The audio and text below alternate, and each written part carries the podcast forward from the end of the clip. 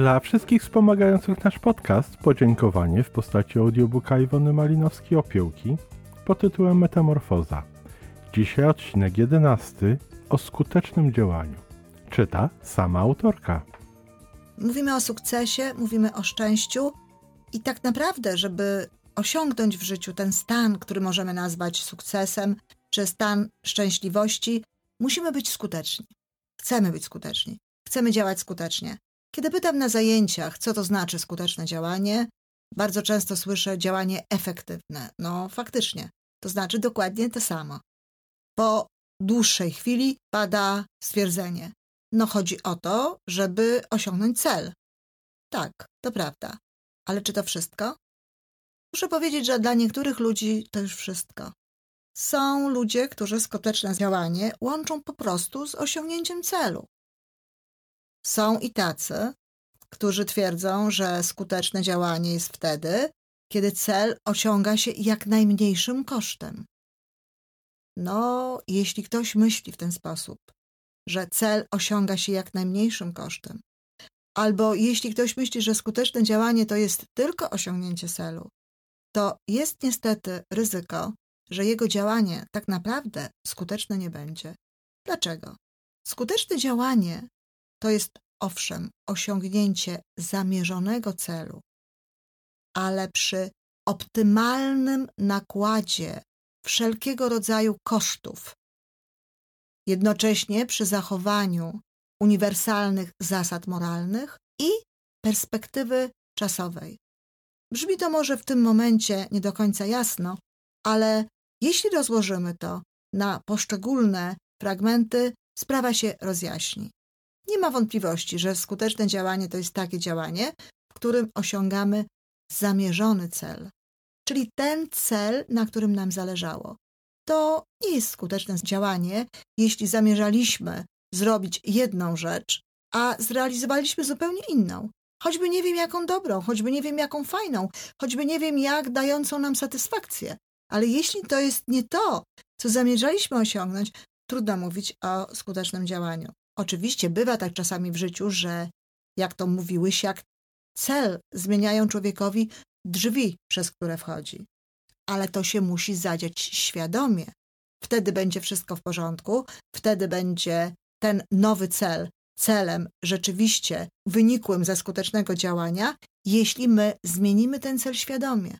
Właśnie dlatego, że wchodząc na inną płaszczyznę, patrząc z innej perspektywy na pewne działanie, dlatego że doprowadziliśmy nasze działanie do pewnego poziomu, z którego widzimy inaczej ogląd sytuacji, zmieniamy teraz ten cel i osiągamy nowy cel. Wtedy wszystko jest w porządku. Natomiast jeśli ten cel nie jest celem, do którego my dążymy świadomie, trudno mówić o działaniu skutecznym. Czyli pierwsza sprawa osiągnięcie zamierzonego celu. Drugi moment to jest zrozumienie, że to ma być optymalny nakład kosztów. To bardzo ważne. Nie jak najmniejszy nakład kosztów.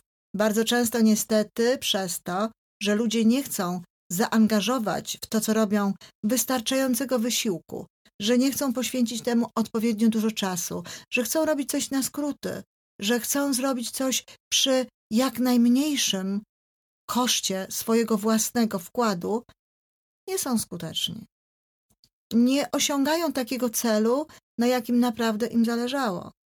Niestety bardzo często działają w ten sposób firmy, przedsiębiorstwa.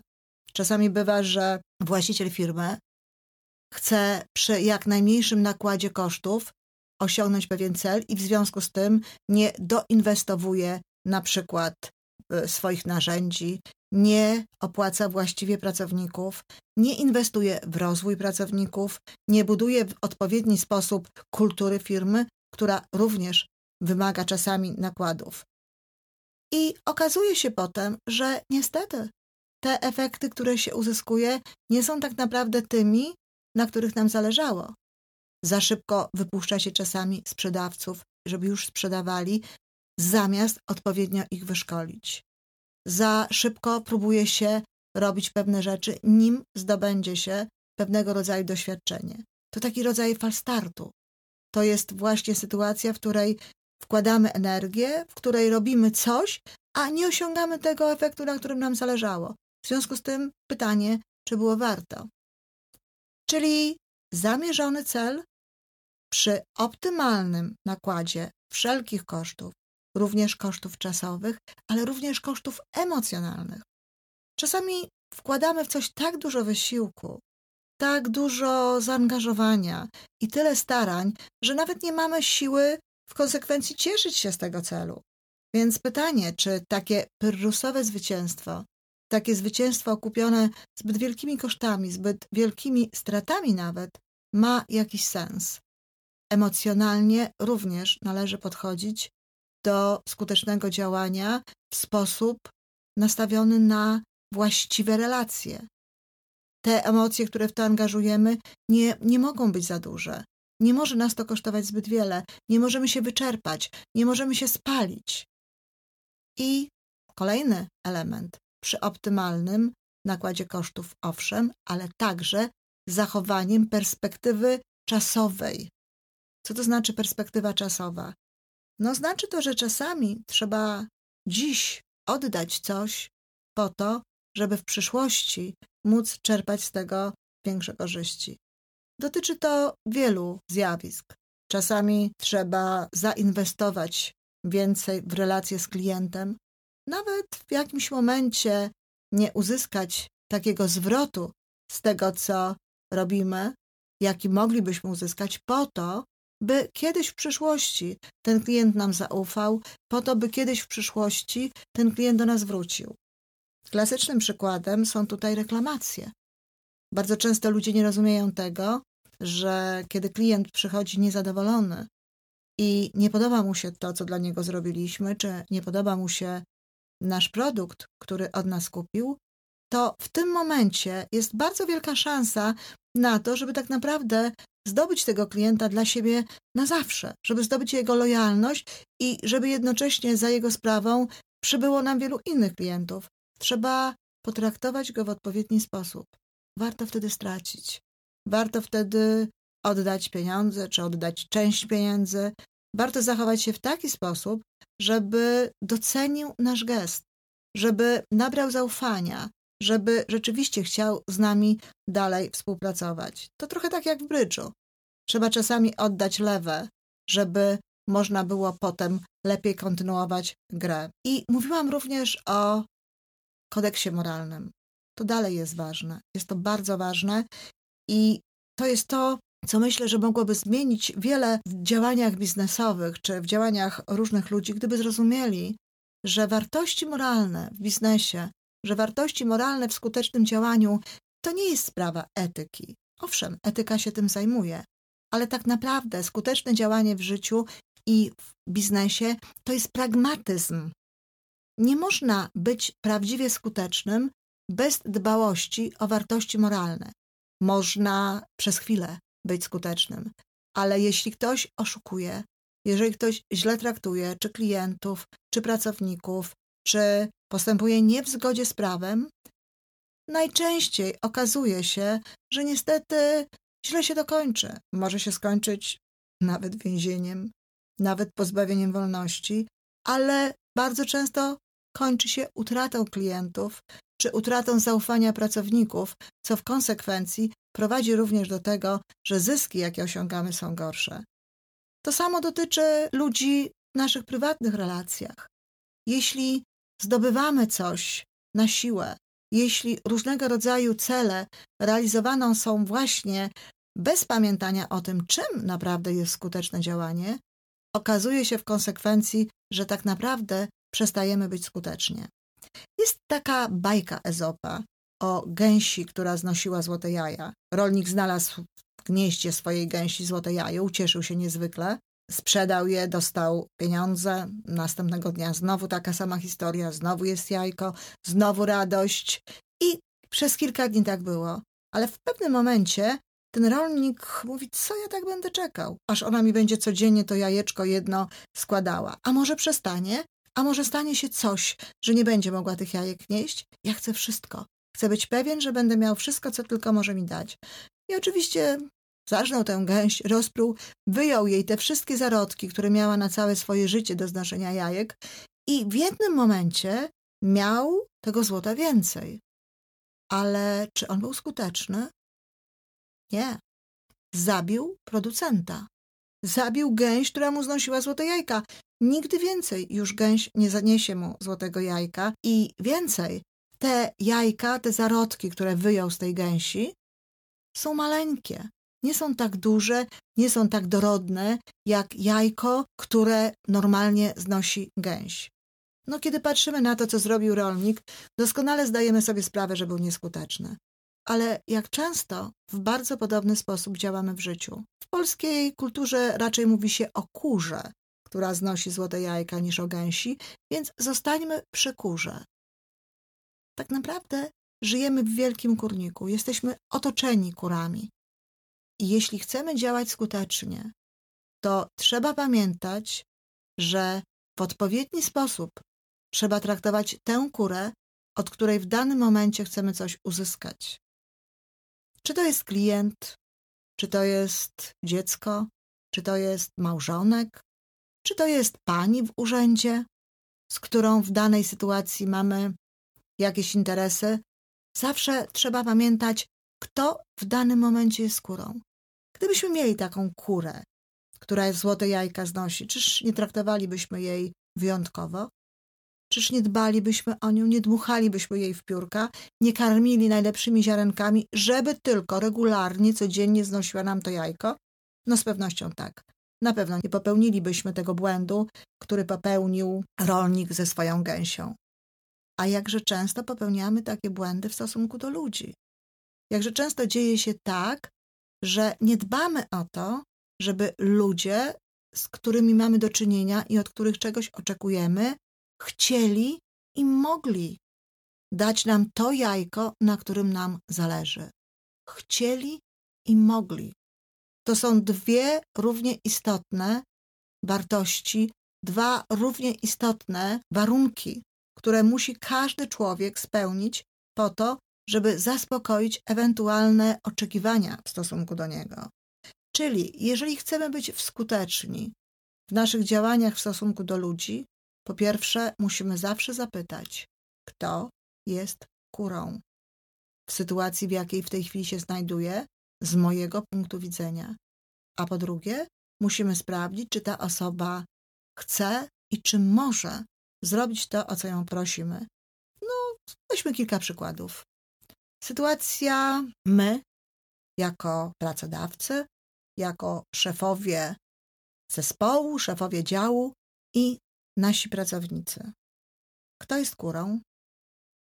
No, oczywiście nasi pracownicy. Menedżer pracuje w ten sposób, że za sprawą ludzi uzyskuje określony efekt. Żeby menedżer był skuteczny, musi w taki sposób prowadzić ludzi, w taki sposób ich traktować, żeby oni chcieli i mogli osiągnąć ten efekt, na którym mu zależy. Czyli krótko mówiąc, ten człowiek powinien sprawdzić, czy jego pracownicy mogą, czy mają wszystko to, co jest im potrzebne do pracy, czy mają kompetencje, które są im potrzebne do pracy, czy mają charakter odpowiedni do tego, żeby rzeczywiście wykonywać to, czego się od nich oczekuje. No a potem musi sprawić, żeby chcieli, czyli w odpowiedni sposób ich traktować, w odpowiedni sposób ich motywować.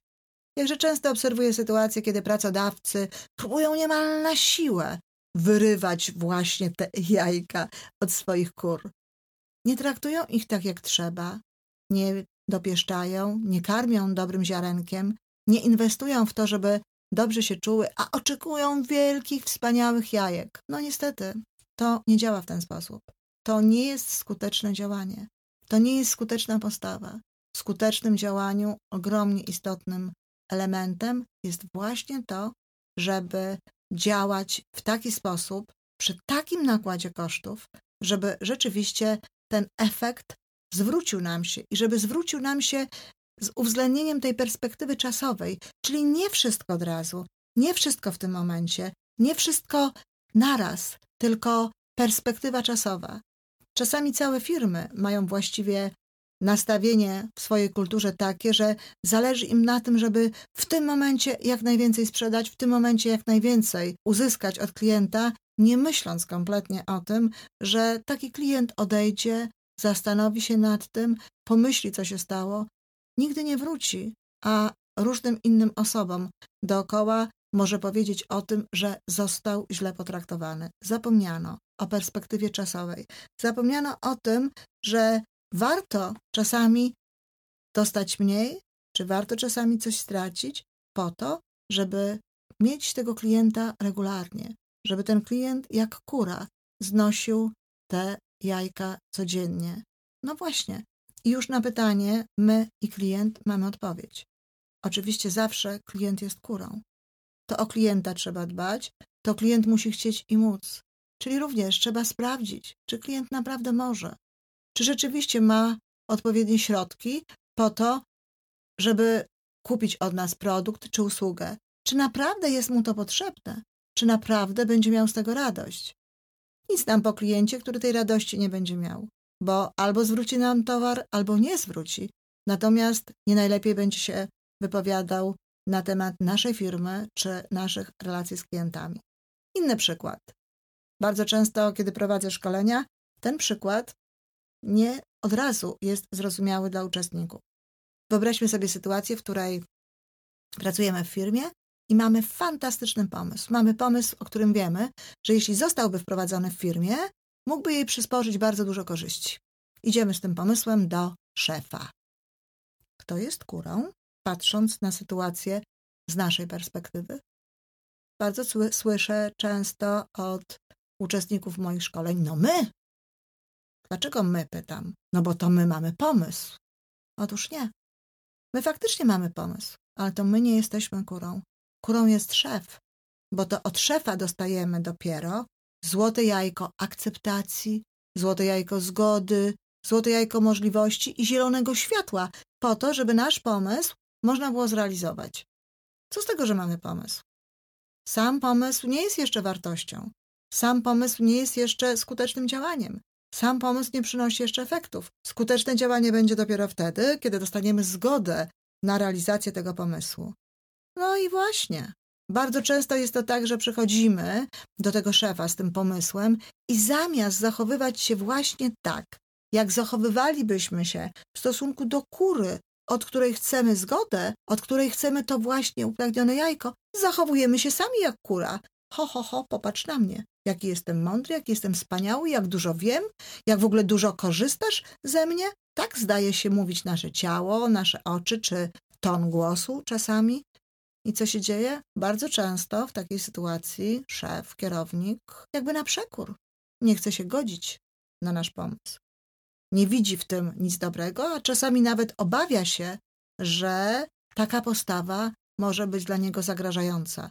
Obawia się szczególnie wtedy, kiedy sam nie ma poczucia własnej wartości, kiedy nie czuje się specjalnie bezpiecznie na tym stanowisku i obawia się, że ktoś taki jak my kto przychodzi do niego wprawdzie z pomysłem, ale jednocześnie wyraźnie widać, że czuje się lepszy, mądrzejszy, że czuje się właśnie jakiś ważniejszy od niego, może chcieć w jakimś momencie zastąpić go na zajmowanym stanowisku. I nie godzi się na pomysł. I być może w ogóle przestaje nas wspierać, być może nawet zaczyna działać w kierunku tego, żeby taką osobę w ogóle zlikwidować ze swojego zespołu, żeby ją wyłączyć poza nawias, właśnie poza tę strefę, gdzie może stwarzać mu jakieś zagrożenie. Dlatego trzeba pamiętać o tym, że szef też jest kurą. Szefa trzeba traktować w taki sposób, żeby chciał i mógł z nami współpracować. A współmałżonek? Taka sama historia. Jeśli chcemy coś od niego, jeśli chcemy, żeby robił dla nas jakieś rzeczy, jeśli kobieta chce, żeby mąż traktował ją lepiej, jeśli wpadnie na pomysł, że w związku może być lepiej i powie, kochanie, musimy porozmawiać, no to niech pamięta o tym, że rozmawia z kurą, że to teraz on ma dać jej to złote jajko zrozumienia, zgody, akceptacji na jej pomysły, na jej propozycje. W związku z tym nie można żalić się, nie można wymagać na siłę tego, żeby dostać coś, na czym mi zależy. Jeśli mówimy, bo ty nigdy, a ja zawsze, albo ja zawsze, a ty nigdy, nie robisz dla mnie nic, nigdy cię nie ma, to nie jest to metoda, która może spowodować, że mąż będzie chciał z nami współpracować, że mąż będzie chciał coś dla nas zmienić. W tym momencie trzeba raczej zastosować zasady uświadomionej, skutecznej komunikacji, zastosować pewien sposób podejścia do komunikacji taki, żeby autentycznie przedstawić mu swoje uczucia i poprosić go o to, żeby zechciał pomóc nam w tym, żebyśmy się czuli lepiej. I wtedy jest większa szansa na to, że z drugiej strony będzie rozumienie. Dzieci tak samo. Jakże często widzę, jak rodzice, w cudzysłowie oczywiście, duszą swoje dzieci, właśnie tylko po to, żeby dostać od nich jakieś jajko w postaci stopnia lepszego czy posprzątanego pokoju. Zupełnie nie zastanawiają się nad tym, że w imię właśnie czystych pokoi czy lepszych ocen giną relacje. Relacje pomiędzy rodzicami a dziećmi, tak przecież ważne dla całości rozwoju tych dzieci i dla szczęścia obu stron. Żyjemy w wielkim kurniku. No ale ktoś może powiedzieć, dobrze, a w takim razie, kiedy my jesteśmy kurą? Prawda jest taka, że z punktu widzenia każdej innej osoby, która czegoś od nas oczekuje, która chce osiągnąć jakiś cel w relacji z nami, my powinniśmy być kurą. Tylko nie każdy to wie. Nie każdy słucha wykładów na ten temat, nie każdy czyta książki, które mu to podpowiadają. Nie każdy zastanawia się nad tym, że właściwie skoro zależy mu na tym, żeby druga osoba coś mu dała, to ze swojej strony musi coś w to włożyć. Musi sprawdzić i sprawić, żeby ona chciała i mogła rzeczywiście dać mu to, czego oczekuje. W związku z tym, skoro my o tym wiemy, my możemy się w taki sposób zachowywać. Ale skuteczne działanie to jest działanie, które mówi o osiągnięciu zamierzonego celu. Czyli w związku z tym, jeżeli naprawdę wkładamy wszystko, co możemy, jeżeli działamy na najwyższym poziomie swoich możliwości po to, żeby osiągnąć dany cel, jeśli na przykład dbamy o pracownika naprawdę dobrze, staramy się mu dawać wszystko, co jest mu potrzebne, szkolimy go, coachujemy, podpowiadamy, w jaki sposób może robić pewne rzeczy lepiej, dostaje godziwą zapłatę, chwalimy go i motywujemy, a on w dalszym ciągu nie wykonuje tych rzeczy i tych zadań, których od niego oczekujemy, no cóż, jeśli w dalszym ciągu będziemy trzymać takiego pracownika, przestajemy być skuteczni, przestajemy dostawać jajka. Inwestujemy w pokarm, inwestujemy w utrzymanie kury, a jajek jak nie było, tak nie ma. Żartuję sobie w takich sytuacjach, że cóż, trzeba wziąć kurę na rosół albo upiec. I niestety tak trzeba. I muszą się liczyć z tym pracownicy zwalniani przez swoich pracodawców, kiedy nie pracują tak, jak oczekiwałoby się od nich tej pracy. I muszą się liczyć z tym pracodawcy, że czasami przyjdzie nam dokonać trudnej decyzji, trudnej decyzji, zwolnienia jakiegoś pracownika, ale na tym polega skuteczność w działaniu. Podobnie w relacjach z innymi ludźmi. Staramy się, dbamy o nich, robimy wszystko to, żeby otrzymywać od nich to, co jest nam potrzebne. To może być różnie, to może być przyjaźń, to może być miłość, to może być współpraca. No ale co zrobić, kiedy znowu my inwestujemy, my się staramy, a druga strona nie daje niczego? No niestety, znaczy to, że nie jesteśmy skuteczni.